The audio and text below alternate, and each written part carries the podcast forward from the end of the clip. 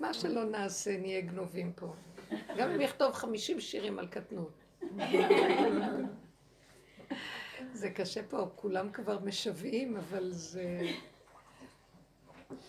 זה תוכנה גונבת שאי אפשר לצאת ממנה. אז לכן צריכים לצחוק. וליהנות מהרגע, רק מרגע. אפשר לצאת ממנה רק כשנמצאים ברגע, ולא עושים רגע ועוד רגע. למשל, השיר הזה היה מין השראה של רגע. אחרי זה שוב פעם חוזרים. הדיבור שלי הוא כאילו, אנחנו יוצאים מהמקום הזה, ה... לא, אין, אין דרך לצאת מהתוכנה. רק אה, להיכנס לתוך הגולמיות. והגולמיות עוזרת מאוד, הגולם הוא עוזר מאוד שהבחוץ מטשטש. אנחנו, ממש אחרי החג יצאתי עם ידיעה ברורה. זה הבראשית, פרשת בראשית, שאני חייבת לחזור למצב של האדם הראשון. אי אפשר לי, זאת אומרת, המצב שלו היה, הוא היה בתודעה אחרת לגמרי. הוא חי בתוך בשרו, לא מתוך הדעת שלו. הוא חי כל, רק רגע, הוא חי רגע ועוד רגע. וכל החוויה שלו, כל הדעת שלו באה מהחוויה שלו. זה לא הייתה חוויה של דעת בדעת. הוא, הוא ראה דבר, הוא, הוא התמזג עם הראייה, הוא שמע, הוא התמזג עם השמיעה, הוא היה רעב, הוא התמזג עם הרעב. לא היה לו קושייה. גם אם הוא שאל בהתפעמות משהו, מיד התשובה באה לו. הוא לא היה צריך להעלל בספרים ולפתוח ספריות. הוא חי את הרגע וכל הבריאה הגיעה הגיע עד אליו. שהשם נתן לו הוראה, מכל עץ הגן אכול תאכל. ציווי, אתה צריך ליהנות מכל מה שיש בעולם. אין מותר ואין אסור, הכל תהנה. לפי הסיבות. סיבה זה עניין של רגע, פתאום בא אליך דבר. אם בא אליך הדבר הזה, אז צריך, הדבר הזה מחפש אותך, הוא רוצה תיקון אצלך, האכילה שלך. גם לפני שהוא חטא, הוא היה מתקן את העולמות על ידי הפעולות הפשוטות של העשייה. בלי לחשוב. בלי לחשוב בכלל. יכולה רק להגיד שאני בשיעור? שאני זה פרץ. אה, הוא סגר. זאת אומרת, בלי, בלי שום פעולות, בלי, בלי שום התאמצות. הכל היה מגיע עד אליו.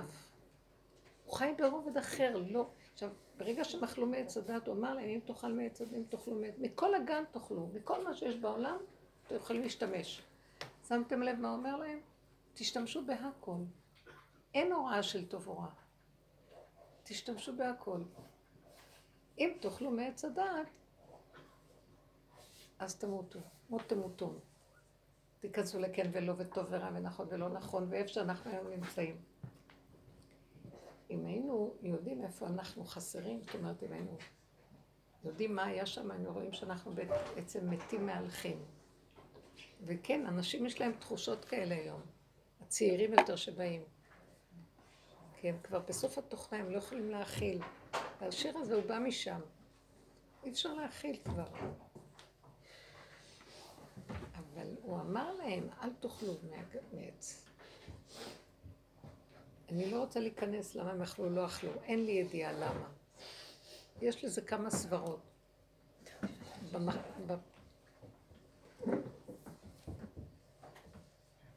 הם יכלו גם אה, לגמור את התיקון קצת שנשאר להם בגן עדן, הם תיקנו. השם שם את האדם בגן עדן עוד לפני החטא לתקן. נתן לו מצוות תעשה ולא תעשה, לשמור, אה, הוא נתן לו מצ... לש... לעובדה ולשומרה. ומצוות תעשה ולא תעשה. אז הייתה תורה קודם, והיו מצוות תעשה ולא תעשה, כמו שבעשרת הדיברות יש את, ה, את החיובי ואת השלילי, אנוכי השם ואחר כך השלילה. אבל התורה הייתה עוד לפני התורה הייתה לפני הבריאה. השם הסתכל בתורה וברא את העולם. אז התורה הייתה לפני כל הזמנים. רק התורה שיש לנו היום היא תורת עץ הדת, שהיא נפלה לעץ הדת. אבל בגן עדן שהוא נתן לו את התורה, הוא נתן לו תורה שלפני עץ הדת. שמה זה אומר? שלא היה שם מותר אסור, אפילו שכתוב לעובדה ולשומרה. היה צריך לעשות מה שצריך לעשות בגוון הזה או בגוון הזה, אבל זה לא היה מותר ואסור כמו שאנחנו יודעים היום. טמא טהור. הכל היה, הכל היה נקי. אבל היה צריך לתקן. מה היה אם כן היה התיקון? על ידי השימוש בדבר היו מתקנים אותו. לא היה צריך להגיד ברוך אתה השם, וכן שהכל נהיה בדברו. הרעב עשה את התיקון. עצם זה שהוא היה רעב, הגיע אליו האוכל והוא אכל עד הפתח שלו, כל האוכל הגיע. כל הבריאה באה לשרת אותו. החיות שירתו אותו, הכל. והוא תיקן אותם דרך זה, דרך ההשתמשות. לא צריך כלום יותר. אכלנו מעץ הדת, קפצנו למוח. יצאנו מהפנימיות, מהגולמיות הפנימית שיש בה עולם ומלואו. זה עולם ומלואו, מלא אינטליגנציה פנימית רוכשת, חוכמה שופעת. יצאנו מהמקום הזה והלכנו לדעת. נתקנו מהמקום של הגוף והלכנו לדעת. עכשיו הכל עובר דרך הדעת, שמסווגת, מפרשת, נותנת משמעות. כן ולא, וטוב ורע, וטמא וטהור, הכל נפל לתוך המצב הזה. אז ככה אנחנו חיים. מנותקים מהמציאות של הגוף האמיתי. ואחרי החג אמרתי, אני לא יכולה יותר לחיות שם. לא יכולה. כל החג ליווה אותי הדיבור הזה. זה היה עליי עומס, לא יכולתי לסבול את זה, לא יודעת. ליווה אותי המאמר של ישעיה הנביא. חגיכם ומועדכם שנאה נפשי. לתורך היו לי נלאיתי מנשוא. שנאתי את החגים כבר. למה? יש בהם משהו טוב, מתוק, אבל הצורה החיצונית, התורה ניתנה לאדם הראשון גם בגן עדן. זה לא תורה אחרת ממה שאחרי החטא, אבל אני אגיד לכם מה ההבדל. פה זה נהיה עול, קשה, מאבק, מלחמה. זה התעטף במלחמה. כוח ההתנגדות וכל הזמן מלחמה. ושם זה, הכל זרם והגיע עד אליו ונהיה מאליו, הכל הסתדר. אם הוא רגע התנמנם, הוא לא אמר, מה אתה ישן באמצע היום? התנמנם. ואם הוא היה רעב, אז הוא לא אמר, מה אתה כזה תאוותן? הוא אכל. ואם אין לו טעים, הוא רצה עוד, נהנה, מותר, הכל בסדר, הכל בסדר, בלי ביקורת, בלי משמעות, בלי פרשנות, בלי כעס עצמי, בלי כעס על השני. הכעס העצמי, זורקים את זה על השני בסוף, כי אנחנו לא רוצים... כלום, הכל בסדר. איך ירדת, איך נפלת אליל בן שחר, איך נפלנו למצב הזה שאנחנו כבר... טוב, אז תדעו לכם, החקירה שעשינו, לראות באיזה מצב אנחנו, מאוד עוזרת לנו להכיר בכלל באיזה מקום אנחנו נמצאים. אנשים אפילו לא יודעים שזה גרוע. הם משתגעים, לא יודעים למה הם משתגעים.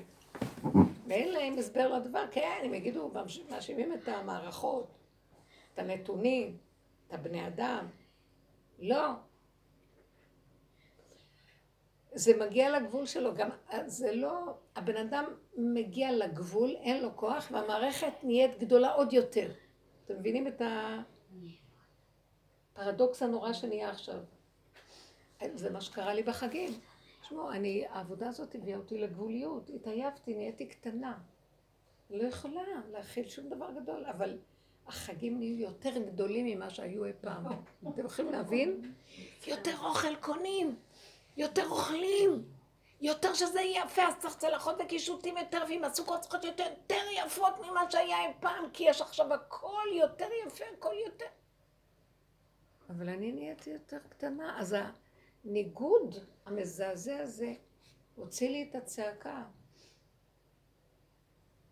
שנאה נפשי, את החגים. זה לא מה שהתורה אומרת, זה מה שהעץ הדעת גרם, הוא גורם את זה, הוא הולך וזה נהיה כמו שירת הברבור בסופה. עוד יותר העולם משתגע. את לא יכולה לעצור את זה. הדרך היחידה לעצור את זה, ואז ראיתי, כשיצאתי מהחג אמרתי, אני חייבת לחזור לתודעה של אדם הראשון. חייבת, זה כבר לא, אני שואפת, אני מקנאה בו. אני חייבת. פיקוח נפש.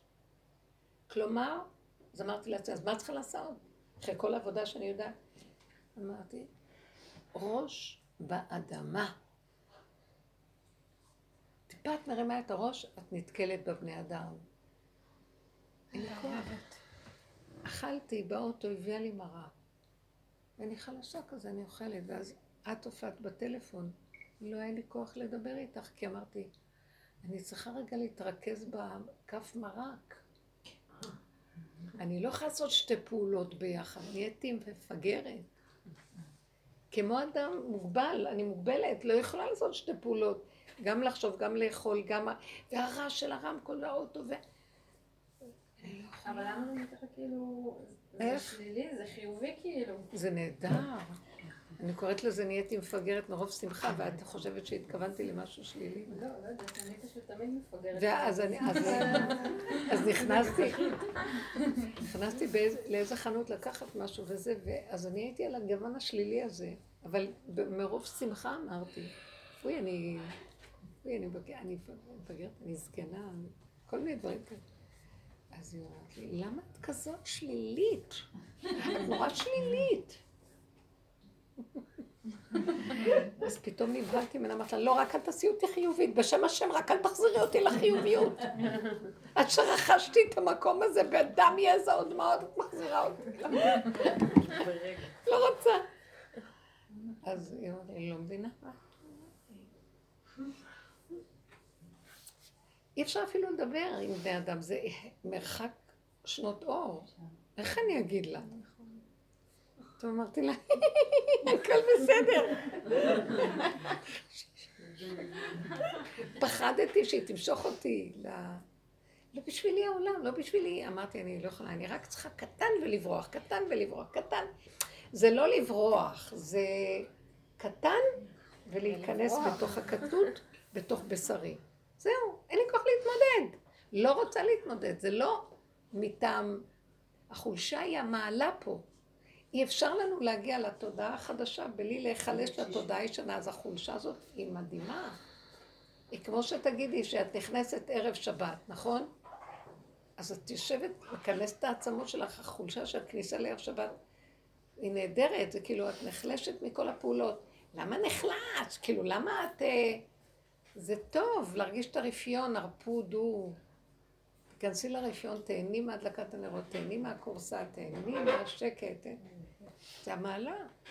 אבל העולם רואה, הכל, אין דקויות להבין שרגע אחד השלילי זה הדבר הכי חיובי שיש בעולם. לא, שלילי זה שלילי, חיובי זה חיובי. זו שלילה שעשינו, שירדנו מהחיוביות, היא ההכנה הכי גדולה כדי להגיע למקום שאין לא זה ולא זה. עץ הדעת, טוב ורע, נופל. ויש איך שזה ככה, איך שזה ככה. כל הזמן, השבוע, כל הזמן אני רק מתהלכת ואומרת, רגע שיש איזה משהו והמוח מתחיל להתעומת, לא, לא, לא, לא, איך שזה ככה. לא רוצה להרים את הראש, רגע אחד להתרחב על מציאות העולם ולהיכנס בשקלה וטריה. לא מוכנה. איך שזה ככה. איך שזה ככה, וזה נהיה לי קטן קטן בתוך הבשר, קטן קטן, זה נפלא, זו הרגשה מדהימה, לא יודעת להסביר לכם. רפיון, ואני מרגישה שלוקחים אותי פנימה, אתן חייבות לשם לבוא.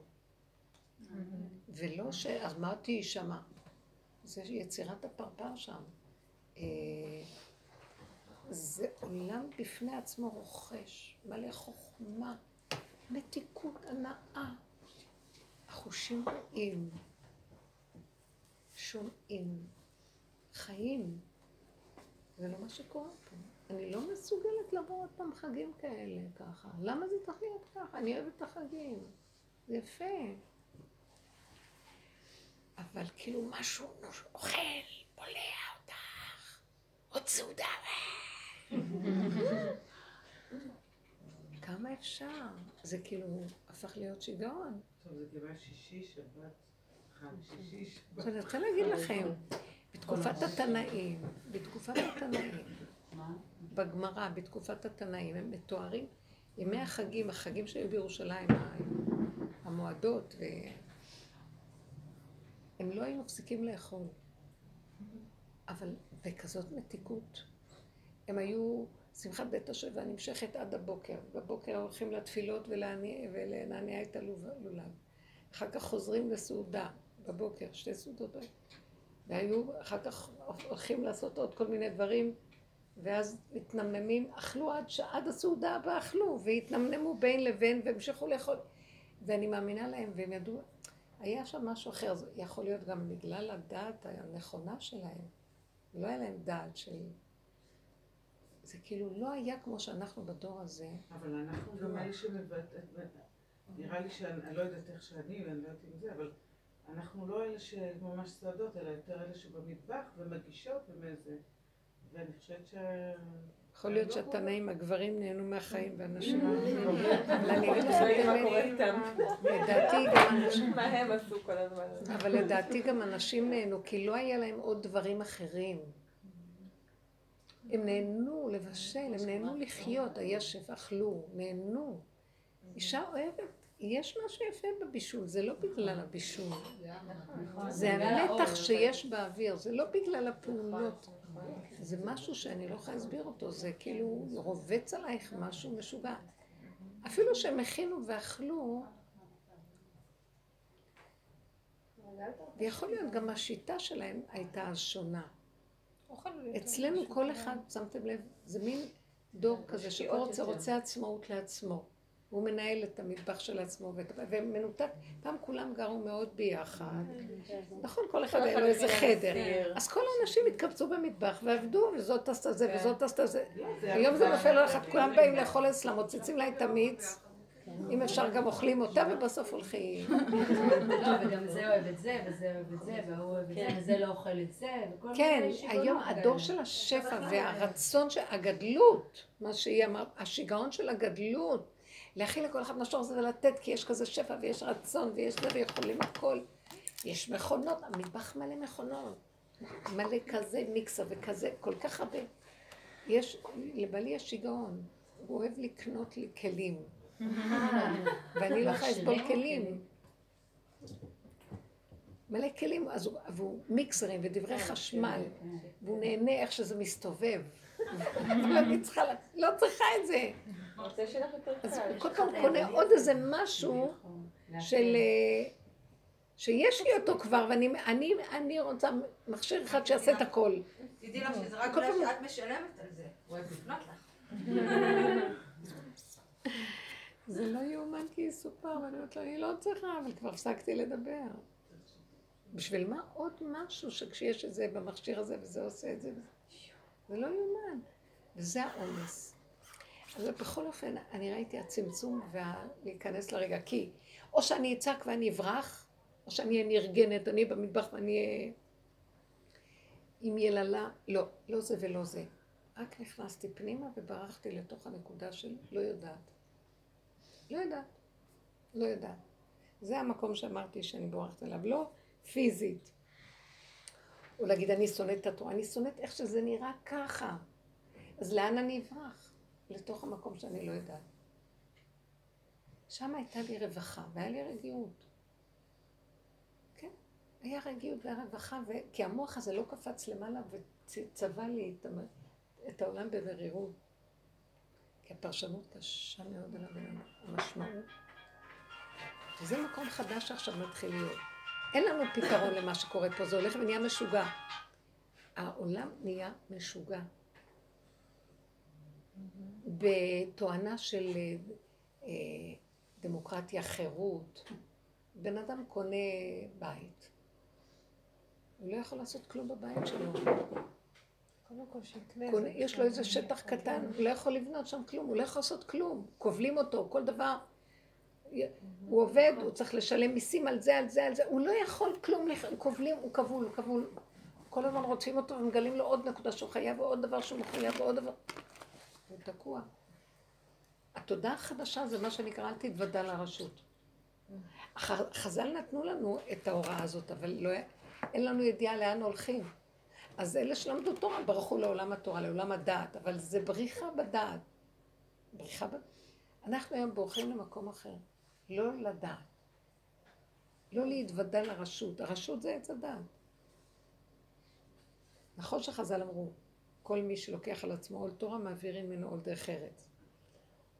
אז עצם זה שהוא עסוק בלימוד התורה, שזה היה הדבר העיקרי בכל הדורות אצל הגברים, אז פתר אותם ושמר עליהם מפני כל מה שמסביב.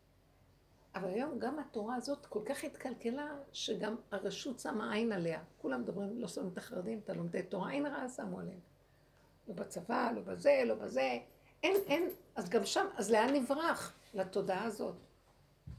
אין לאן לברוח. לקיים, אבל הכל בתוך התודעה הקטנה. הרגע והרגע. רגע, הכל רגע. אני רוצה שנדבר על העניין הזה של איך אנחנו לוקחים את המוח. אני רוצה דוגמאות. אנחנו רוצים לעבוד על הנקודה, איך לא נותנים למוח. אני. מישהי דיברה איתי, ואז אמרתי לעצמי, תזהרי, לא להיכנס בהיגיון של מה שהיא אומרת ולענות לה. לא להיכנס בטוען וניתן. תזהרי לא להאמין למה שהיא אומרת. תזהרי מישהי שלא בדרך או משהו, סתם מישהי שפגשה אותי. כאילו, תעקפי, תעקפי. אל תיכנסי לתוכן של הדבר. כן. ברוך אתה אדוני אלוהינו מלך העולם. למדני חוקיך. כן, אבל אמן.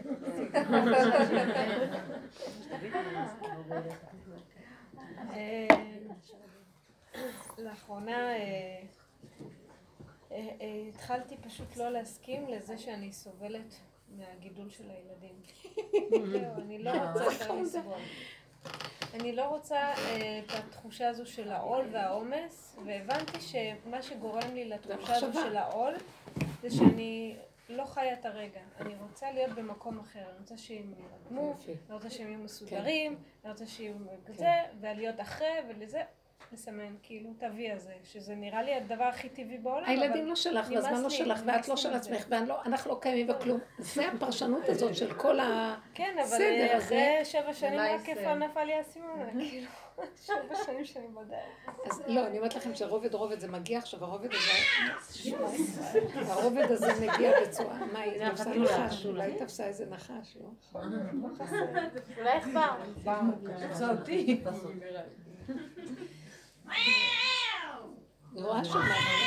זה לא- זה לא פעם ראשונה שבאה לנו חתול על החלון של השיעור. כן, קרה. נכון. כן, אה, נכון, בבית. תופסת את הנחש. לא, אין.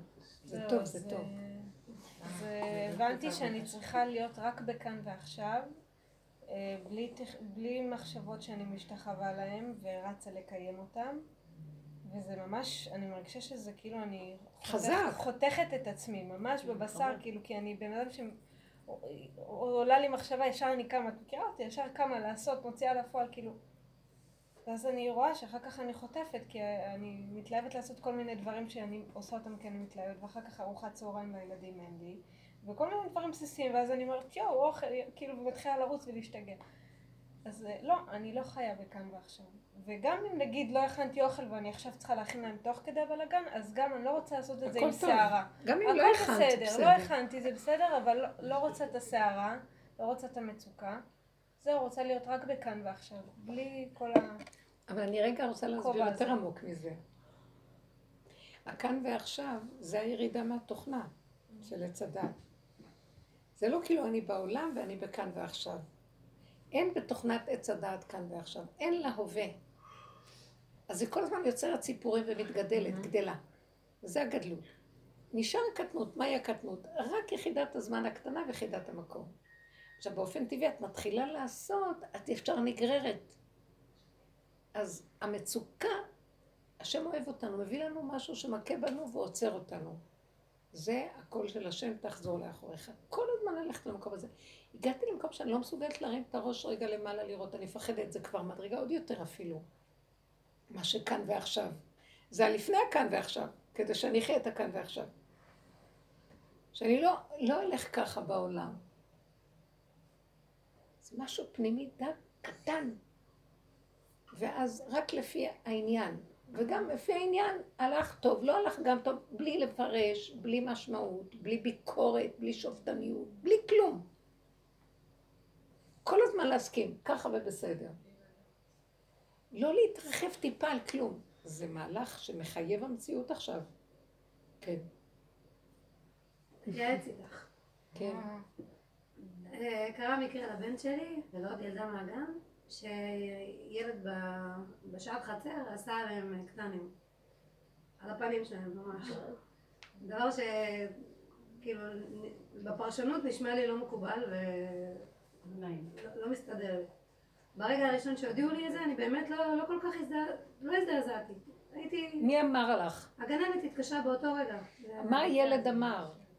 הילד בכה, הילד כל הזמן, עד היום הוא בוכה כשהוא אומר לי אני לא רוצה ללכת כי יעשו עליי פיפי, חמוד, ילד בן שלוש, קטנצ'יק, רק נכנס.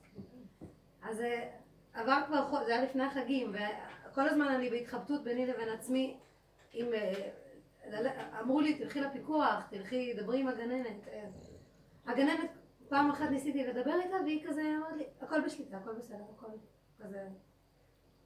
מה תעשי? אני לא יודעת מה אני... אז אל תעשי. למה אנחנו צריכים לחפש לדעת ולעשות? אז היה, אנחנו צריכים לגדל את הילדים כפי שאנחנו, מה, מה, מה היינו עושים? אם מישהו היה עושה עליי משהו כזה. מה זאת אומרת, אני הייתי מעיפה עליו כיסא חזרה אם מישהו היה מתקרב אליי. אז הילד קטן לא יכול לעשות את זה. אז צריכים ללמד אותו אותו, שזה אז צריכים ללמד אותו, אתה רואה את הילד הזה, אל תלך לידו. אוקיי. ואל תעשה עניין ממה שהיה. תנגב את זה, וזהו, לך. ובשלב כזה הגננת צריכה קצת להגן עליו, אבל, אבל אי אפשר להתחיל לעשות, שהאימא תתנדב לא לעשות. עניינים בגלל זה בבית ספר או בגן. לא- וגם לא שלא. עשיתי, אני- יש לי- יש לי את העולם הזה שהוא שקט, שהוא קטן, יש בתוכי את ההוא שאומרת, "אה, זה לא יכול להיות שאת שקטה על זה. יש לי, יש לי כאילו את הקול הזה מאחורה ש... תראי, זה מה שקורה בדיוק בתוכנה הזאת. כולם מגיבים על כולם וכולם משפט, הולכים לבתי משפט ובתי דין ובזה, מה, מדבר הכי קטן אנחנו יכולים לעשות כאן. וכולם עם הדגלים. פעם זה לא היה ככה, את יודעת? פעם האנשים האלה יותר, היה להם יותר הכנעה ועניבות. אז לא נורא, מסתדרים איכשהו. היום כל אחד לא, יש אה, נתבע אותך. בית הדין, בית המשפט. גם מי עשה לו את זה? גם ילד קטן אה, עשה לו את זה, כאילו מה תעשו? תכניסו את הילד לבית סוהר, כאילו. לא, לא. הילד הקטן השני, כאילו, מה... כן, מה מה הגננת לא, אבל היא מסכנה לא שאלה לעשות? את זה, היא שאלה על עצמה. לא, בסדר, נגיד, כן, תלך כן. תעשה מלחמה על מה, מה? כאילו. אז הנה, מה אנחנו אומרים לך על עצמך? אל תעשי עניין. זה מתחיל ממך, אחר כך גם הילד ילמד, לא לעשות עניין. אבל מה כן לעשות? או שאם הוא יותר גדול, שלא, לא, אני אראה לך, אם תעשה לי ככה, אני אעשה לך ככה. לא, לא, שהוא ילמד, להת- ל- שילמד בעולם להתמודד. יסודות. אבל ההתנהגות שלך היא שהוא לא. בואו תתפסו את המילה שהשם שולח לי. רגש. תחתכו אותו לגמרי. הרגש הזה רשע מרושע. ובעבודה שאנחנו אומרים לחזור לרגע, אין רגש. כי את צריכה כל רגע לחתוך את הרגש, שרוצה להתרגש ולהתגרש מהנקודה. לחזור, לחזור. לחתוך ולחזור, להתרגש, ולחזור. ולחתוך ולחזור. וואו, איזה חידוש. ולעשות פעולות. לא הכרתי צריכים-. אה, לא כן? צריכים לעשות פעולות. לא, התלהבתי שאמרת, להתרגש, להתגרש, אז זה נשמע שהם לא כזה מתלהבות, שזה כבר ידוע. צחקו עליהם. תתגרש. רבו שאומר, תנו לו גט במוח. אין, אין מה להתלהב יותר מדי. כי זה רק רגע שמרגיז, ועוד רגע שמרגיז. אז מה נעשה עכשיו? לא לתת לאותו רגע ממשות, אז זה בסדר, מסתדר איכשהו. זה גדל אצלה כי הבן שלה פיתח את זה. הוא מעצמו הביא כל יום תגובה. היא בעצמה לא, לא התרגשה מזה כן, כן, מלכתחילה. לי. אבל אז הילד כל יום קם בבוקר ואמר לה, אני לא רוצה, כאילו הוא חווה את זה. את ה... אז ממנו זה גדל אצלה. נכון, בול. אני חושבת שזה הפוך אולי. אני חושבת שזה הפוך אני לגמרי. אגיד לכם, בדיוק. מאחר לא- והיא לא עושה עבודה. לא- אבל- גם- לא, לא התרגשת בהתחלה, אמרת. נכון. כן, לא התרגשתי בהתחלה. ואז נפתח לך. כן, סלח לי. כן, כשנפתח אז נפתח. לא, הוא רק הסיבה שנשלח מהבורא עולם להראות לך שאת לא עובדת נכון, והוא כל הזמן דוחק בך. אמא, תעבדי נכון, את לא עובדת נכון. אמא, אה, כן? כן, אוקיי. הוא סיבה מהבורא. למה הוא מנדנד לך כל יום מחדש? כי לא, כאילו לא נגעת בנקודת התיקון שלה. מה נקודת התיקון? אני לא אוהבת להשתמש במילה תיקון, כן, אבל כאילו, אז הוא עשה, הרגע שיוצא לך והכעס יוצא לך, מה שאת עשית, לא, לא הוצאת את הרגש, נניח בפעם הראשונה. דחקת אותו, זה כמו שאמרתי, יש שתי אפשרויות, או שאנחנו בורחים, או שאנחנו מייללים, לא זה ולא זה. או פולנים או מרוקאים. זאת אומרת, כן, יש באיזשהו מקום נקודה שכן יש משהו שאני צריכה לקחת שם, לראות, אוי ויי, אני לא נכנסת לה... בהצלחה. אנחנו לא צריכים, אה, אם דבר מחזר אחרייך שוב ושוב? הוא מחפש איזה תיקון. אם הוא מחזר שוב ושוב, הוא מחפש תיקון. מה הוא מחפש? הילד קורא לך, אמא תיגעי בנקודה. מה הנקודה? לא לברוח לשם ולא לשם. לנגוע בנקודה, לטפל בה. ללכת לגננת. ללכת לגננת. אבל לא בכעס. מה הולך פה? לא, לא, בוא לא נפתח. את התיקים. בוא נראה מה נקרא כאן. זה לא פשוט הדבר הזה. ללכת אליו, הילד, להסביר לו. ולא, אבל מתוך, לא, לא. קודם כל מהנקודה של עצמה. שכשהיא צריכה... לא, לילד שלי. שלך. כן. לילד שלי, מה- דבר, כאילו, בעלי כל הזמן אומר לו, אמר לו, אתה לא עושה דברים כאלה, נכון? אתה לא. כאילו, לתקן את זה במהלך שלו, ככה... תקשיבו רגע, אתם לא. קולטות כאן. קודם כל אני. כן. אני צריכה להכניס, יש משהו בתוכי שצריך להיות מבורר. וכשאני מגיעה לנקודת הרגע, ואני מתחדשת איתה, ואני לא מתיישנת, ונותנת למוח להתרחב ולעשות מזה סיפורים ועניינים, הילד נרגע. העבודה מתחילה מאיתנו. וכשאני אני- הולכת ככה, אז אני אומר לו, כן, אני אדבר עם הגננת, אבל הוא רואה כבר את הרגיעות, הוא רואה את... הוא קולט את המדויק שלך. גם אם אני לא אומרת לו מילה, ואני לא, לא דיברתי איתו כלום על זה, רק הקשבתי לו כל הזמן. גם חוץ מלהגיד לו שאתה לא עושה...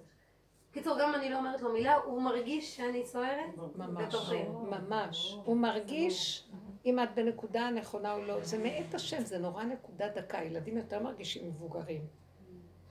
לכן הם מנדנדים להורים הרבה. כמה ש... וההורה בא בשכל, אומר, תפסיק, כבר אמרתי לך זה וזה. ההורה לא נוגע בנקודה, הוא רק אה, אה, מדקלם מהמוח. הנקודה שלנו היא לכל נקודה ולהסתכל ולהגיד, לא, לא, אני לא מתערבבת בעולם בשיגעון שלו. יש שם נקודה קטנה, מטפלים בדברים, אבל כן נקודתית. אבל נקודתית, כאשר אני אומרת לעצמי, אני לא עושה עניין מכלום. אני ממיתה את זה בעודו באיבו, לא קיים. את הרגש שבדבר, את כל ההתרחבות הרגשית והפרשנות והמשמעות וכל זה, ואני נשארת חזרה, חוזרת למקום שלי. בר- ברובד הזה אני אומרת לילד, כן, אסור לתת לו לעשות את זה עוד פעם. כן. תהיה חזק, וכשאמרו אותו, אל תתקרב אליו בכלל. ואין כלום, לא היה ולא נברא. הוא קולט מסר שהוא לא מסכן, שהוא לא תראה מה עשו לי, כן. יש לי טראומה לכל החיים. לא, אתם לא, מכירים זה- את הדור הזה? ואז טיפולים, ואז פסיכולוגים, ואז סיפורים. אני עבדתי קצת תקופה עם בנות שאנסו אותן, ופירקתי להן את כל הסיפור הזה. זה הכל במוח, כאילו אנחנו מכים את עצמנו, לא מספיק שחטפנו, גם נכה את עצמנו עוד על זה. זה המזוכיסטיות של תודעת עץ הדת. הוא, הוא ממש חולה. הוא גורם את הנזק לעצמו, ואחר כך הוא גם ממשיך לגרום ולהזין את אותו נזק עד זיבולה בתרייתא. כי הוא זה בית בגדר שלוש. של מסכן בעולם, הוא אוהב את זה. כל קורבן, לא משנה. צאו מזה, תתחדשו ואין כלום, לא היה ולא נברא. הרגע ונגמר, והרגע ונגמר, והרגע ונגמר, ולא היה ולא נברא כלום. צריכים לטפל בדברים. כן. כשהילד רואה את הנקודה החזקה שלך בדבר, ושאת לא משתגעת ולא מתרגשת ולא... אז גם הוא חוזר למקום שלו. מאוד מאוד תשדרו את המקום הזה. זה הנקיות, הבריאות הנפש הפשוטה, שלא קרה כלום. פעם לא היה להם מה לאכול, והיו עסוקים בקיומיות. ילד יכול להתפנק להגיד, העליבו אותי, או הנפש שלי כאובה. ההורים שלו רק היו בהישרדות קיומית להכיל את כל התפלים שלהם, את הילדים, מה הם יעשו? אז, ה... אז הילדים גדלו בריאים, לא פיתחו את כל ה... כן. מה זה נפש? הנפש זה, זה התהום, היא לא נגמרת. תזרקי אבן לתהום, את לא שומעת איפה היא מגיעה. אין לזה סוף. זה הצרת של המדרגה איפה שיש צרת. חולי הנפש. מאוד מסוכן הנפש. אף אחד לא מצא פתרון לנפש. חוץ מהדרך שלנו. שאנחנו קוראים לנפש, כי זה המידות של הנפש שהתקלקלו, ואנחנו מגדירים כתוצאה מההתבוננות של עץ הדת, ששודדת ומגדילה ומגדילה ומגדילה. הוא גורם לצרעת הזו. הנפש זה טבע קטן, אבל אם את לא תופסת אותו ומחזירה אותו לקטנות שלו כל רגע, אז הוא נהיה מפלצת, תהום שלא נגמרת. אין לה תקנה. שבירתה היא תקנתה. קראנו את קהלת בשבת חול המועד סוכות, כן. מעוות לא יוכל לתקון הכל. אין כאן תקנה, חבל לכם על הזמן, וזה הולך ונהיה יותר גדול. זה כמו התאוצה שלו. יש אה, אה, מאיץ החלקיקים, שזה העולם הולך ומתרחב כל רגע עוד יותר ועוד יותר. ועכשיו זה... זה לא נורמלי מה שקורה. אה? אני כל יום שומעת על עוד אה, מישהי שמרוסקת מחרדות, ומישהי שאת לא... כל כן, יום כן, עוד כן. ועוד רשימה, זה לא נורמלי מה שקורה. חבר'ה, אנחנו עוד נגיד מיליון פעם תודה על הדרך הזאת. תחזרו לקטנות, לא היה ולא נברא ואין. תבטלו את המוח, לכו על הגוף. תכניסו את התודעה לתוך הבשר ותתהלכו בעולם. מה תראו דלת, תראו- דלת. רגע, אני מה? רוצה כבר על הכל רגע. על הכל. דיברתי עם הכל. מישהי, הכל. כאילו מישהי שגם עוברת תקופה מאוד קשה. ופגשתי אותה, היא פשוט, כאילו, משהו, איזה מצב של אחרי לידה, זה נפלה קצת, חרדות, ואז זה כאילו טיפול, וזה, וניסיון כזה, וניסיון כזה, וזה כאילו עבר המון זמן, זה מאוד גדל והתרחב. ואז פגשתי, דיברתי איתה, וראיתי שהיא כאילו כמו כנועה למצב. אין לה טיפת כוח לעמוד מול זה, וכן, ניסיתי להביא לה קצת מהדרך, דיבור כזה. כאילו, תביא שריר, ת- ת- היא לא עושה את זה בכוונה, זה כבר יהיה... לא, לא, זה כבר, זה כבר לקח. לא. אבל אז גם היא לא יכלה לסבול את הדיבורים האלה, על השלילי. לי, מה? אני חייבת קצת חיובי להאחז בו. אני לא... לא את את. זה מדהים כאילו- שאני... עכשיו תדעו לכם, מדהים שאתם ש- באים לאנשים במצב הזה, אל תדברו איתם על הדרך. תדעו לכם כבר, אני לא יכולה לדבר על הדרך הרבה.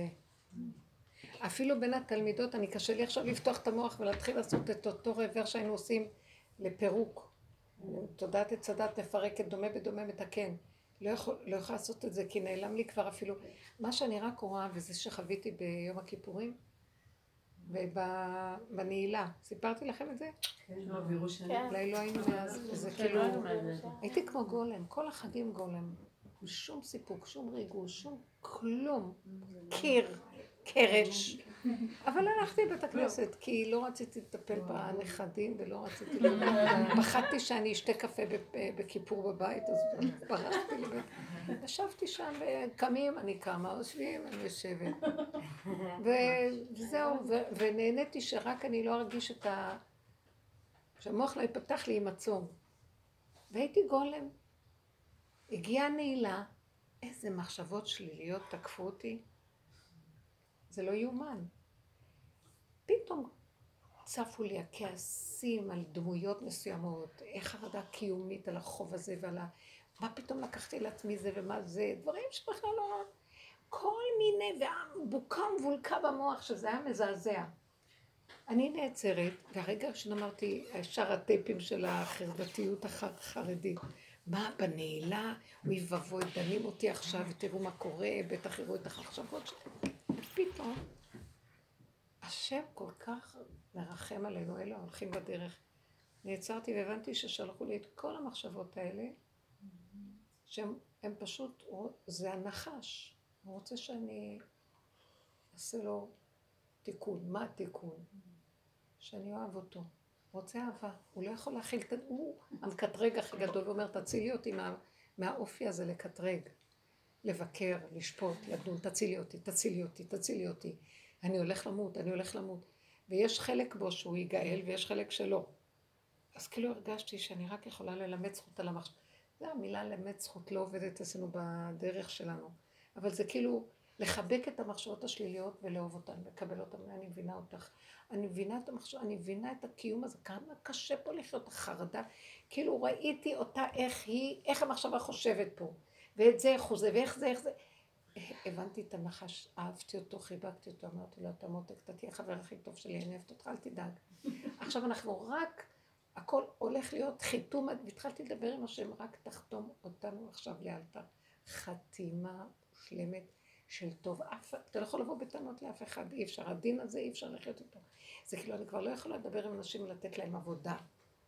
הם משהו, אז זה גורם להם סערה ובהלה, אין להם כוח, נהיה חוסר אונים. זאת אומרת, הם נהיים יותר חלשים, וה, והמוח נהיה עוד יותר גדול, אז רק לחבק אותו. היה איזה, היה איזה תלמיד בבית ספר בארצות הברית, שבא עם רובה לראות. והמורה רואה אותו בפרוזדור, ופתאום המורה התעשת ורץ אליו באהבה.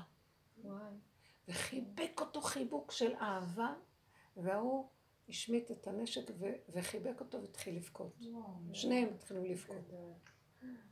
רק ככה את יכולה לנצח את הרע, לעזור, לאהוב, להשלים, להבין, להסכים, לקבל, לא לצעוק, לא לריב, לא לשפוט, לא לדין, לא לשבת... קודם כל, המוגבלות מזעזעת, יש רחמנות על הבני אדם. הנחש אומר, אני מוגבל, כבר אין לי כוח. אתם לא מבינים? הוא רוצה, הוא רוצה תיקון, הוא אומר, תעזרו לי! אני תקוע, אתם תקעתם אותי, עכשיו רק אתם תעזרו לי! כן, כי אנחנו עושים ממנו משהו, מתנגדים לו, רבים איתו, אז הוא גודל. הוא אומר, אל תריבו אותי, אני גדל יותר, אני לא יכול יותר לגדול, אין לי כוח להכיל את הגדלות שלי. אז תישארו קטנים, תסכימו לי, תסכימו. תחבקו, תחבקו. אני רק מרגישה שאני רק לא רוצה להרים את הראש, כי בשנייה שהביקורת תבוא. לא, הכל בסדר, זה בסדר. זה בסדר. זה כבר לא. למה את עושה ככה? למה את אוכלת סוכר? למה את לא זה? ולמה את הולכת מאחורי?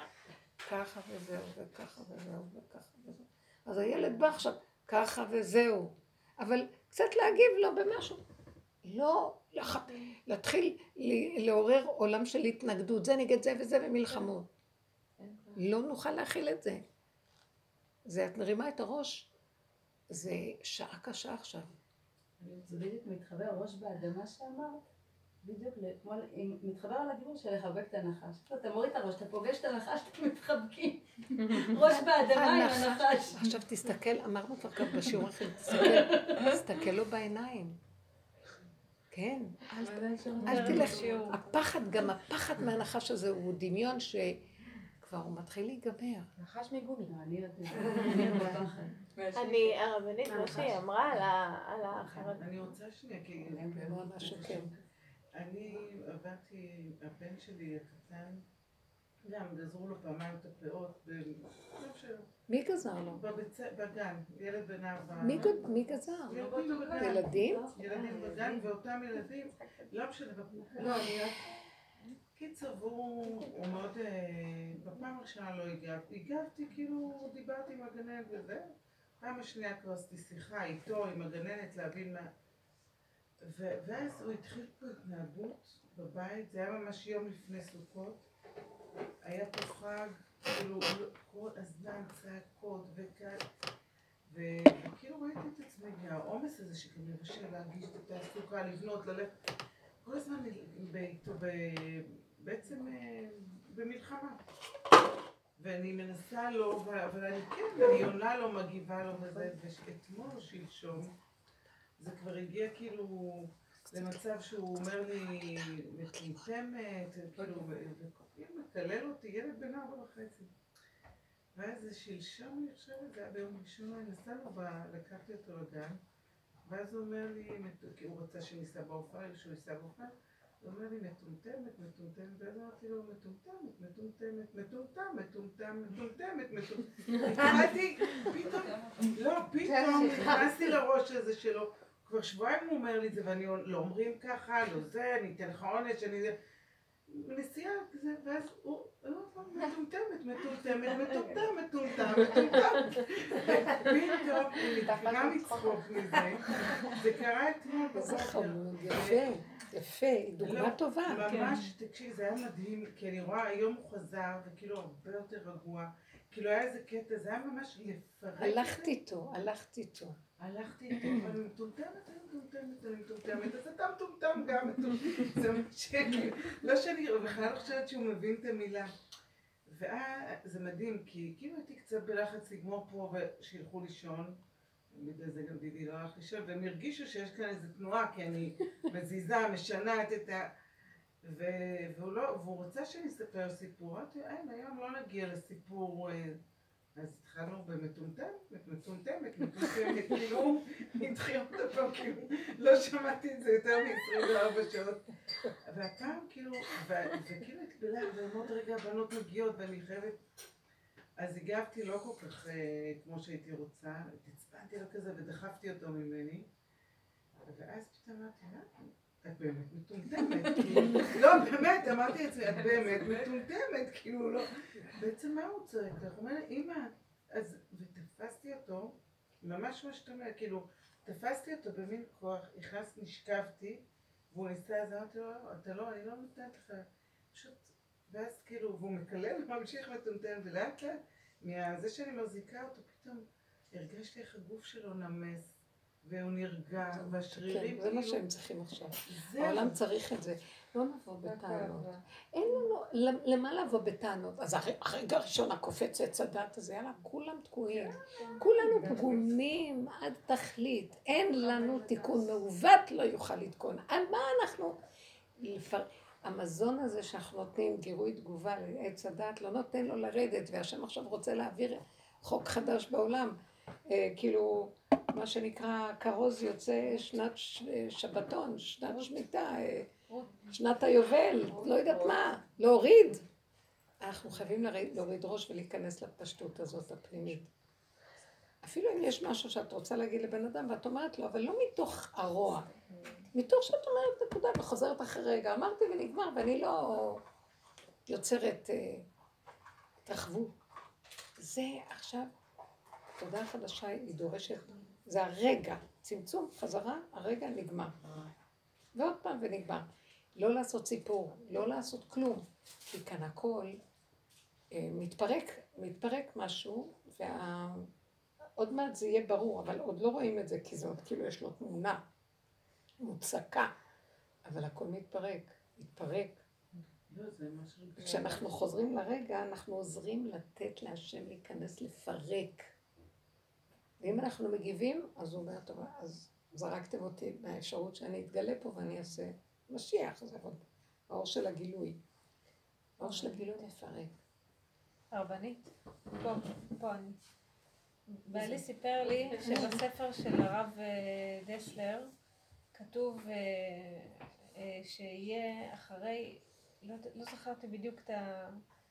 אחרי כאילו שתהיה גאולה, יהיה אלף שנה של שיממון. האלף השביעי, ש, בדיוק, שיהיה ש- שיממון ורק אז יהיה, האלף השמיני. אה, ורק אז יהיה כאילו אה, עולם הבא, או כאילו, כן, לא, לא, לא בדיוק אה. קלטתי, אבל כאילו קלטתי את האלף שנה של שיממון, ואמרתי, מעניין איך זה בדרך. זה אותו דבר גם בדרך. כן, שזה כאילו בדיוק כמו ש... אנחנו חייבים, שיממון ממה? שיממון מהתודעה של עץ הדעת. זה מדבר. בין, בין, בין ארץ מצרים לארץ ישראל היה מדבר. אותו דבר, בין תודעת עץ הדעת לתודעה החדשה, יש עולם חרוב, זה נקרא. אלף השביעי הוא עולם חרוב. זה כמו שבת, שבת. שבת זה אין פעולות, אין, אין למתת מלאכות, אין עשייה. זאת אומרת, הכל מאליו נעשה איך שזה, אבל את לא זאת שעושה פעולה. את, אסור לך להיות פעילה, יוזמתית לפעולות. פעולות בטבע, מה שהשם ברא, אבל לא את יוצרת. זה המקום עכשיו. זה לא שיממון המקום הזה. איך? בשבת לא מרגישים את השיממון הזה. האופי של השבת הוא שיממון. היא נשלטת על ידי מזל שבתאי, השבת. שבת, שבתאי, מזלו שולט על מדבריות. איפה שאין תנועה. אז היסוד של שבת זה ריק ושיממון. שם השם יכול לבוא ולקדש את היום. ואז לא חווים בחוויה ואז לא חווים. בחוויה, אבל יש הרבה אנשים שלא יכולים לסבול את השבת, שהם ממש, יש לי מישהי שאני מכירה, שהיא בשבת משתגעת. היא חשה עשייה, את פעולות. של השבת והיא הולכת למות. בגלל שאין לה פעולות? איך? בגלל שהיא לא יכולה לעשות פעולות. בגלל שהיא לא יכולה לעשות פעולות. היא חשה בתוך הנפש משהו של שממה חזקה חזקה. כי היא לא חיה את השממה של עצמה כל השבוע, מאוד קשה לה עם זה. שבת, יודעת, אני משתגעת מהשבת. עכשיו, אני רוצה להגיד לכם, גם זה שהשם קידש את השבת, ויש שם איזו קדושה שאנחנו מרגישים, גם זה הדמיה שהשם קידש את השבת. באמת השם קידש את השבת. אבל תוכנת עץ הדעת היא מדמה את הקידוש של השם, היא לא באמת חיה את הקדושה של השבת, הכל דמיון. השם קידש את השבת, שבת היא מקודשת. שבת היא היום של השם. הוא ישב על יום כזה שאין לו מעצמו שום תכונה, הוא ריק. אז דווקא שם היה קל לקדש את היום. כמו כלה, קל לקדש אותה כי היא כלה, אין לה מציאות עצמית. כולה כלה ונפסדת, למעשה, זה היסוד של כלה. אז החתן מקדש. הוא לא יכול לבוא על מישהי שכבר מקודשת, או כבר יש לה בלבול וכל מיני דברים אחרים כבר. עכשיו, אותו דבר, תוכנת עץ הדת התיישבה על המצב הזה, והיא גנבה את הקדושה האמיתית והיא מדמה, כאילו קדושה. למה אני אומרת לכם את זה? עבודה שאנחנו עבדנו, לפרק את כל הכאילו, היום מביאה אותי למצב שאני לא מרגישה שום קדושה, כלום. לא בשבת, לא בחגים, לא במועדות, כלום. שיממון, כל הזמן, גולם שמם. ומשהו מחזיק אותי שאני, משהו, בגלל שאנחנו עושים את העבודה הזאת, אז אנחנו מטעם הקדושה עושים אותה, איזה משהו אלוקי פה, אז אני יכולה איכשהו להחזיק מעמד. אבל נעלמה לי, איזה תחושות רוחניות היו לי. אי אפשר לך לתאר. הכל נעלם ונשאר יום רגיל. אין הבדל בין היום הזה ליום הזה ליום הזה ליום הזה. אם לא היו אומרים לי שבת, לא הייתי יודעת ששבת. אתם לא מבינים את זה. ולא להתרגש שזה ככה, כי ככה. ואז, אם אני אתן לעצמי, אסכים לשיממון הזה, כמו שאומר האלף השביעי חרוב, שמה עוד פעם תתגלה הקדושה האמיתית, לא המדומה של עץ הדת. אז אנחנו מפרקים ומנקים את הכל, מוכנים לסבול שאין כלום, כי עץ הדת הוא כל הזמן מתחזה ומדמיין שיש. הנישואים דמיוניים, ההורות דמיונית, הכל דמיוני פה, וראיתם מה קרה בדמיון הזה? נתקלים ורבים כל היום, כועסים, ההורות מלאה כאבים, הזוגיות מלאה כאבים. אז אני לא רוצה כבר, אז מה אנחנו באים בדרך ואומרים לפרק? כי מה קורה? זה הלא מושגים מקודשים. אז למה זה ככה? כי זה נגנב על עץ הדת, ועץ הדת הגנב הוא רק מדמה את הקדושה. הוא לוקח את התורה, והכל דמיון. אתם לא מבינים? גם החגים נהיו דמיון. לכן הנביא צועק, שבתכם, לא אמר על השבת, אבל חגיכם ומועדיכם שנאה נפשי. לטורח היו לי, נלאיתי מנשוא. בואו לבית המקדש, אני לא סובר שאתם, וכי תבואו לרצות פניי, מביקש זאת מידיכם רמוס חצריי. כי תרבו תפילה אינני שומע. בפריסכם כפיכם אליי, העלים עיניי מכם.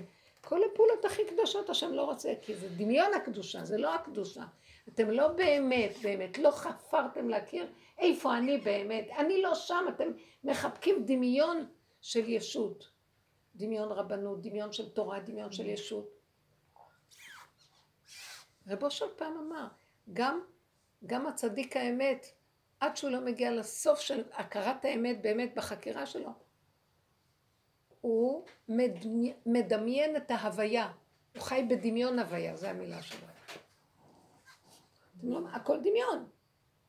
עכשיו, אז בין הדמיון לבין הדבר האמיתי יש שממה, יש מדבר. וזה מה שעשינו, פירקנו. אתם יודעים איזה אומץ צריך כדי לפרק? כי כשאת מפרקת יכולים לבוא כל הנחשים והקרבים במדבר שממה. אז הבור ריק אין בו מים, מה יש בו נחשים ועקרבים? הלשם יש לו פרק מדהים שהוא מתאר, וזה נורא ניחם אותי. אמרתי, לאיזה עבודה נכנסתי? הוא הביא שם את כל גדולי, הרבה מגדולי העולם שהכניס, השם הכניס אותם בניסיון הזה לפרק על מנת לתפוס את נקודת האמת, השכינה שנמצאת למטה. שלמה המלך עשה חקירה מאוד גדולה, וכמעט תפסו אותו השדים, הלוא יש סיפורים על שלמה המלך. עם כל ה... יש uh, כל מיני, יוסף שנכנס לבור, uh, יושע, שהשם אמר לו לקחת אישה זונה, כן, הנביא. יש שם כמה כאלה שהם ממש, איך שהם הכניסו אותם בסכנה נוראית, כי העבודה שעשינו היא עבודת סכנה, היא, את מריחה את הכפירה. אבל הכפירה היא לא כפירה. אז הוא מכניס אותנו, גם הוציא אותנו משם. איך הוא אמר ליעקב אבינו? גם ליעקב אבינו. אני מכניס אותך וגם ההלכה לא, אני גם אעלה אותך משם, אל תדאג. כי זה סכנה. אתה מכניס... אמרתי, כמה פעמים צעקתי לרב אושר, מה הכנסת אותי לעבודה הזאת בכלל? אני יכולה, אני, אני, אני, אני, אני אפרק את הכל? אז כאילו התחושה הייתה שאל תדאגי, אני איתך, אני איתכם בדרך הזאת. אז חייבים להיכנס שם, אין לך ברירה, את חייבת להיכנס למדבר שממה. משה רבנו הכניס אותם 40 שנה למדבר, אתם יודעים, זה פשוט, איזה דברים קשים היו שם. ויצא משם. ואנחנו בסוף יוצאים, אבל אתם יודעים, אנחנו יוצאים למקום הזה של תודעה חדשה, אני רואה את זה. אני לא מוכנה בשום אופן. עשינו, פירקנו את תודעת עץ הדת, פירקנו את הנחש. אתם לא יודעים איזה עבודה עשינו. תדעו שיכריזו עלינו אחר כך. יכריזו על כל הקבוצות שעשו עבודה. יצא כרוז ויכריז. שאם יש גאולה זה בעבור אלה שעשו עבודה כזאת. כי לא יכולה הגאולה לבוא אם לא נעשה את העבודה הזאת. לא יכולה. אנשים לא רוצים לעשות את זה. עכשיו, כשאת רואה אנשים במצב הזה, אל תתחילי להכניס אותם לעבודה. מי שזכה, זכה. אתם לא מבינים? אני לא מסוגלת לחזור על העבודה עכשיו. אני לא מסוגלת עכשיו להתחיל קבוצות. אומרים, תתחילי קבוצות חדשות, באות חדשות. אני אומרת לה, מאיפה שאנחנו עכשיו את תיכנסי, זהו. אין לי כוח. מדי פעם אני מזכירה פה ושם את התהליך של הדומה בדומה, ולהסתכל בנפש. אני לא מסוגלת. רק חסר לי שיתעורר לי השד הזה עוד פעם. לא, כי ברגע שאני מדברת עליו הוא קם, אני לא יכולה. בכל החדשות יש עניין כאילו לחפש שיעורים וכאילו לנסות לעשות את העבודה של פעם, או שמי שהגיע עכשיו זה המקום שלנו? אני גם מרגישה שאם השם, אמרתי לו, אם אתה שולח עכשיו אנשים, הם צריכים לשמוע את העכשיו וגמרנו. גם התהליכים נגמרים. אתה תתחיל לעורר את החיה כדי שהם יזכו. מי שזכה, זכה. תדעו לכם שזו זכות מאוד גדולה להגיע מעץ הדת לעץ החיים. כי עכשיו עץ החיים מתחילים להתגלות. אז אם זה לא יהיה מעץ הדת, לא, אז לפחות יהיה עץ החיים. אבל מי שזוכה, זה לפרק, לפרק, לפרק, לפרק. זה... ולכן אני אומרת לכם, תמשיכו ויש עוד נקודות פירוק. אל תברחו להתלוננות מצד אחד, ואל תברחו לייאוש מצד שני, להתלוננות, לכעס, לרוגז, לא... מצד שני גם אל תגידו, טוב, אני בורחת, לא יכולה. כי זה עוד הנקודה של האמצע, יש שם עוד בחירה ועבודה. לא פה ולא פה, בנקודה של האמצע. אין לך לאן לברוח. עמדתי בהושענא רבה והייתי כל כך מותשת, לא יכולתי, לא היה לי כוח. ועוד פעם להיכנס למטבח ו... ולהכין לחג. הרגשתי שאני לא יכולה, גוף רועד לי, לא יכולתי להחזיק מעמד. אז אמרתי, אני אלך לנוח, לשעה. אבל לא היה לי את הזמן הזה. אמרתי, אם אני אלך לשעה, החגיגה, אני לא יכולה, אני צריכה לא עשינו את החג בבית, צריכה לצאת עם האוכל ואני לא אוכל. מה אני עושה? ואז אני אמרתי, לא יכולה לסבול את החיים, שמתכם אתכם שנאה נפשי, לטורח היו לי. ואחר כך אמרתי, רגע, רגע, זה יללה. אמרתי לה, ללכת למיטה זה בריחה. שערי במטבח. תנשמי, ותשימי את המוח בתוך האצבעות, בקצה.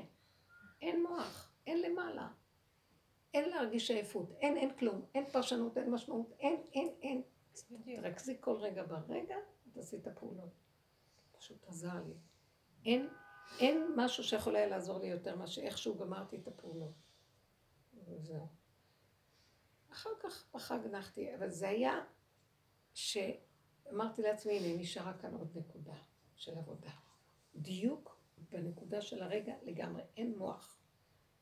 באמת המוח הזה הוא המקשה, הוא מתיש, מעייף, מלאה, גונב, גומר עלינו. טיפת מרה מרימה, רעל, עכשיו זה רעלים, נחשים ועקרבים שם, יורים באוויר אפיקורסות, אסור לך להיות שם. תחבקו את מי ששלילה לידכם, תגידו, אני מבינה אותך, אני מבינה אותך, אתה צודק, אתה צודק, אתה צודק. הוא יקבל קצת חיות מכם וזהו. אני חייבת להגיד לרבנית שזה הציל אותי עכשיו. רק ככה. אחרי מה שאמרתי אז, שאחרי הלידה, כאילו, כל החרדות כן. שהיו לי, והדיבור שאת אמרת לי, להסתכל על זה בעיניים, פשוט הרגשתי שבאותו רגע את שלפת אותי משם, כאילו הדיבור הזה. אבל זה, אתה, הוא אומר לי, פשוט אני אומרת לכם, אני גם עומדת בנקודה במצב, אני אומרת, אתם לא יודעים מה זה העול, העול שלי זה משהו, אני לא יכולה להסביר לכם. זה לא אנושי בכלל. את לא יודעת איך הוא זרק עליי כזה, וזה הגדלות שלי הביאה את זה, אבל אני תקועה בה, בראתי את הגיהנום שאני לא יכולה לצאת ממנו, ואין לך לאן לברוח. אני יכולה לברוח, להחריב, להרוס, להשמיד, לאבד, להרוג. ובשנייה לאבד את הכל, לא. אז כל פעם, אני רואה איך הוא אומר לנו, תסתכלי לדבר הזה, הוא לא קיים, זה הדמיון שלך. שום דבר לא קיים פה. את רואה את הדמות הזאת? היא לא קיימת. את רואה? לרגע, אחר כך אבל הוא לא קיים. זרי, אל תגשימי, אל תגשימי, אל תגשימי כלום, אין כלום. תחזרי אחורה, תהיי קטנה, אין עולם. אתם יודעים מה? איזה עוצמה זה. את הולכת ככה, זוזו. אין אף אחד פה. אנשים מכבדים אותך.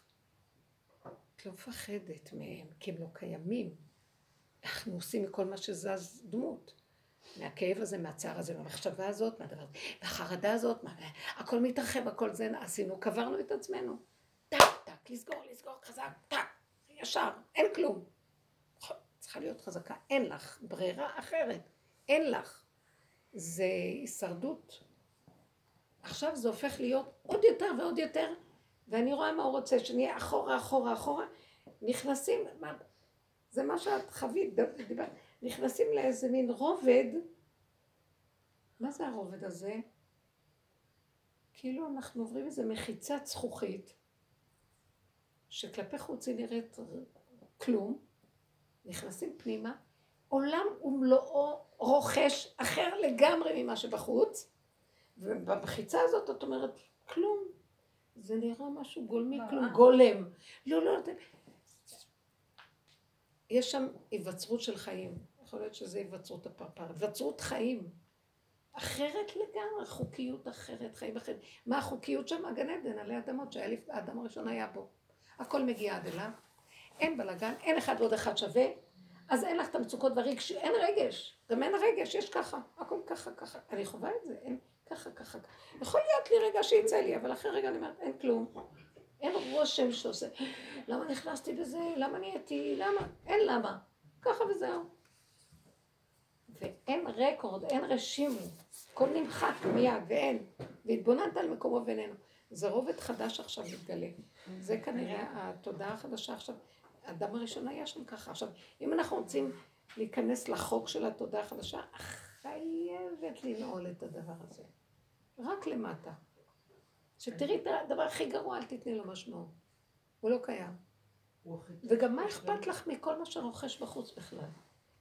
מה אכפת לכם מאף אחד? בנקודה הפנימית לא אכפת מכלום. אין רגש. האכפתיות זה כפייתיות הרגש. אין רגש. אבל די גמרנו עם החוץ, אבל בזמן האחרון הבעיות שלנו הן בתוכנו. שם הנחשים... לא, את אומרת גמרתי בחוץ, ברגע אחד מדליק אותך, את רגע אחד עומדת בחוץ, העולם נורא מסוכן. זה קל לכבות. כי הוא משוגע, ואת עומדת ליד אנשים שישר נדלקת מהם, אני ישר אומרת, לא, לא, לא, לא. לקחתי איזה, יש איזה גנן שמישהי אמרה לי שיבוא לגמור לי איזה משהו שאני... לא. ואז כשהוא בא, אז קבענו איזה מחיר על הפעולות האלה והאלה והאלה, הוא הסכים, אני הסכמתי. באמצע, הוא אומר, טוב, גמרתי. הוא לא גומר. אז אני רוצה ללכת, תשלמי לי. אמרתי לו, אבל יש לך את זה ואת זה ואת זה. לא, אני לא יכול יותר. אז בוא נקזז. לי, לא, מה שסיכמנו. עכשיו אין היגיון. אה, הוא רכש לי איזה עץ שצמח והוא הזיז אותו, אז הוא נבל, בתוך יומיים הוא נבל.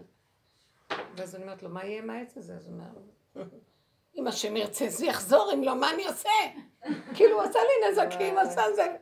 והוא אומר, ואני לא, אני לא מאמינה. ואז אני קולטת שהוא לא עובד עם ההיגיון. והוא אדם קצת מסכן, הוא לא עובד עם...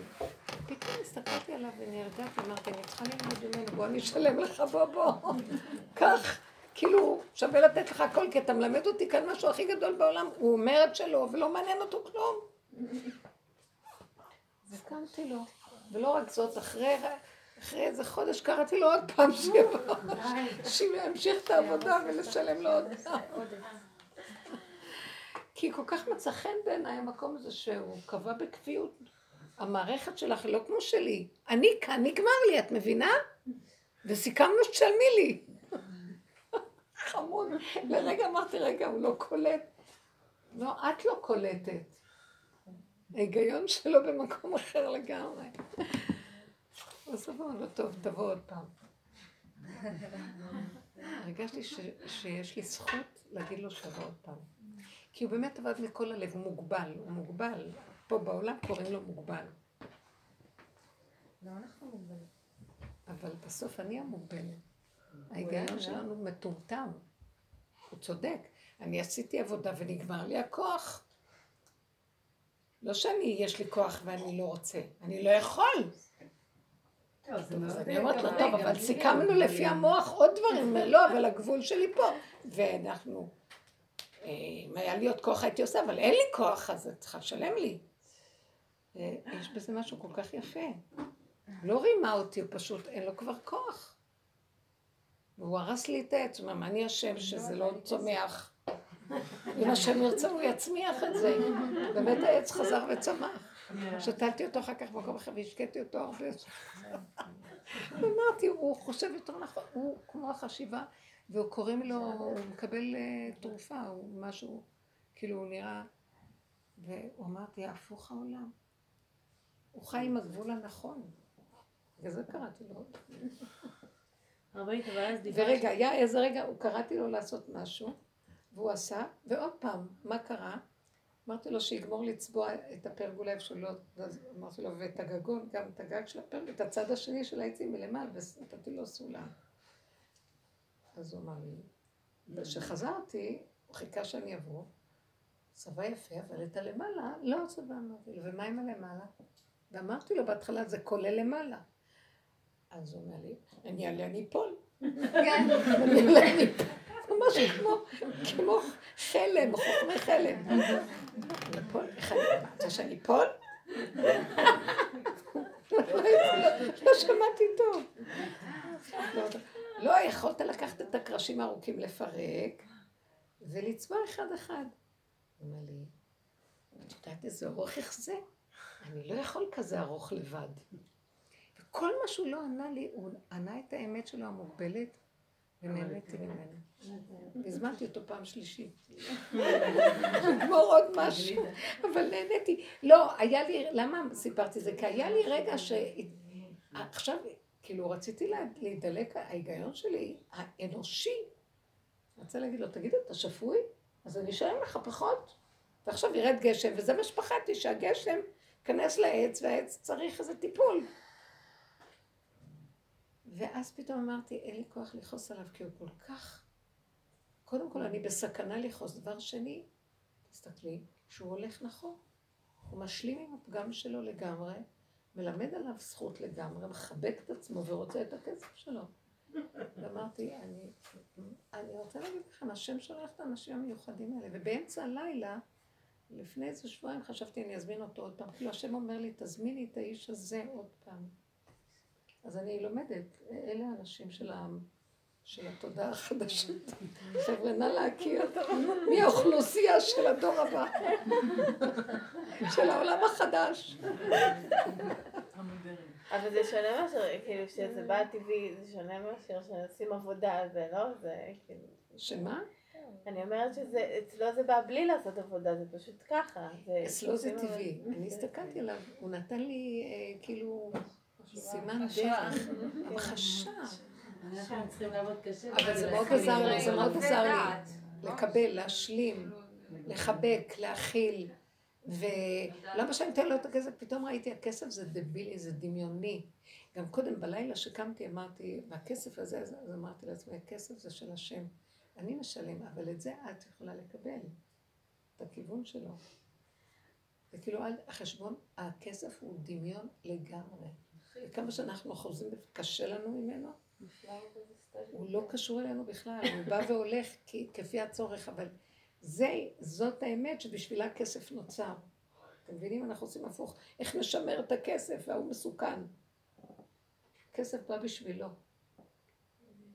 הכל הפוך. הרבנית, אז אבל בעצם אמרת שנגיד הגבוליות של האיש הזה, אז נגיד זה באמת הפגם שלו, זה כאילו להגיד את הפשטות שלו. אבל יש גבוליות שאתה כל הזמן אומר כן למשל. כמו שנגיד, נראה לי שגם את, איך שהגעת לו, זה הגבוליות שלך, כאילו את ב, בלקבל אותו עכשיו. מבינה מה אני אומרת? כאילו, בן אדם שנגיד, הגבוליות שלו זה להגיד כן כל הזמן, אז הוא לא יכול במקום הזה להגיד אני לא יכול, כי זה, כי זה הפגם שלו, להגיד את הכן. ואז בעצם הסברת שגם שם הקדוש ברוך הוא נכנס. אה, כל אחד צריך לנו. לפי ערכו להכיר. מה שאני ראיתי אצלו שזה טוב לכולם. בוא נגיד שאת אומרת כל הזמן כן, אז תלמדי שזה הגבול שלך. שאת לא יכולה להגיד לו, תאהבי ותחבקי את הכן הזה. אתם מבינים מה אני מתכוונת? כל אחד איפה שהוא, את זה הוא צריך לחבק. הוא מחבק את הלא שלו, ואני יכולה לחבק את הכן שלי. לא לבוא בביקורת. זה לא חשוב אם זה כן או לא. כי זה הפגם שלי. או לחבק את הביקורת שלי. אה? אה, את הביקורת. יכול להיות שאת יכולה להגיד, טוב, אני מצאת את עצמי מבקרת, ואת לא יכולה להפסיק לבקר. יכול להיות. כי הביקורתיות זה כאילו, יכול להיות. הביקורתיות זה לא הנחש, זה ההרס של הנחש. הוא מסוכן יותר. הביקורת היא כאילו המרכיב של כל היסוד הנחשי. כי בחוץ, זה להאשים את הבחוץ. זה כאילו, אך, יוצא לו הדבר הזה החוצה, זה כבר לא מוכח. שם זה כבר מקום, היא גורמת לי את הסבל עצמו. הביקורת היא קשה מאוד, השיפוטיות. ואיך מתקרבים לנחש? איך מה? מתקרבים לנחש, באמת. איך מתקרבים? כן. הוא- נמצא כל הזמן, את לא צריכה להתקרב אליו. הוא מתוכך. אבל אני מבורכת את תחבקי אותו. אנחנו בורחים כי התודעה הזאת השופטנית, היא גם סידרה לה איך לשפוט אותו שהוא רע או טוב. אז יכול להיות שזה מה שאת אומרת, לחבק את השופטנות עצמה. זה לא, זה לא את התכונה, זה את התוכן, את, את מה שעכשיו את מדברת, לא את התכונה של שופטנות, את מה שיוצא ממנה תחבקי, כי הם תקועים בזה. זה... הנחש הוא, אנחנו הנחש, הכל זה נחש. אמרתי, הבן שלי, יש לו ילד, חמוד מאוד, אבל הוא, בלי עין אוכל ברמה שאת לא ראית כזה. ילד רזה קטן, בגיל ארבע, שלוש וחצי.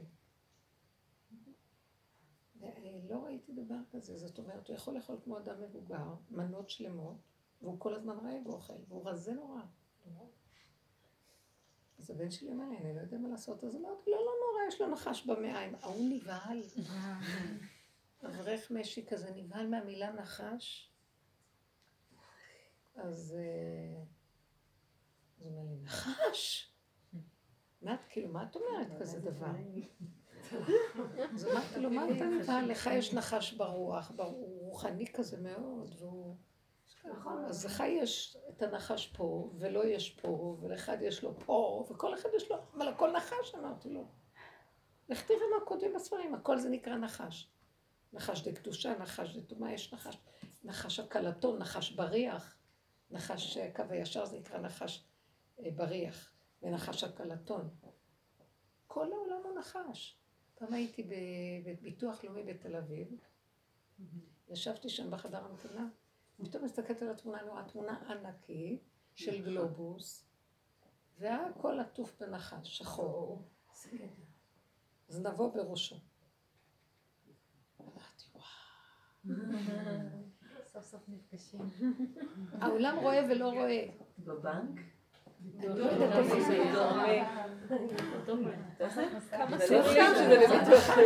הנחש הלאומי. סוגר על כל העולם. כל העולם בולע אותו, ובפה שלו. היה לי גם חוויה אישית, אני יכולה להגיד לכם, מין חזון כזה. התקופה שהיה לי אז עם הבית ספר שלי, שבו התלבשו עליי ממשרד החינוך, משרד האוצר, התחילו להתלבש עליי. יד, כמו יד נעלמה, החליטה לפרק לי את הצורה. מה שלא עשיתי, יותר גרוע, יותר גרוע. ואז הייתי כל כך בחרדה, זה היה מפחיד. כל פעם באות לך ביקורות ממשרדים גדולים וזה. והייתי הולכת לצעוק בלילה בשמואל הנביא בירושלים. הייתה לי עוד חברה הולכות בלילה, שתיים בלילה. זה לשחרר את החרדה ואת המתח ואת הכעס וכל התסכול הנורא הזה. היינו צועקים, ואני הייתי צועקת, צעקתי צעקות נוראיות, מהחרדה, מהפחדים.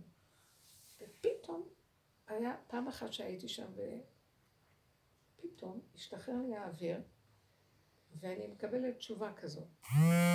מין חזון כזה שהוא מראה לי שכל העולם נחש.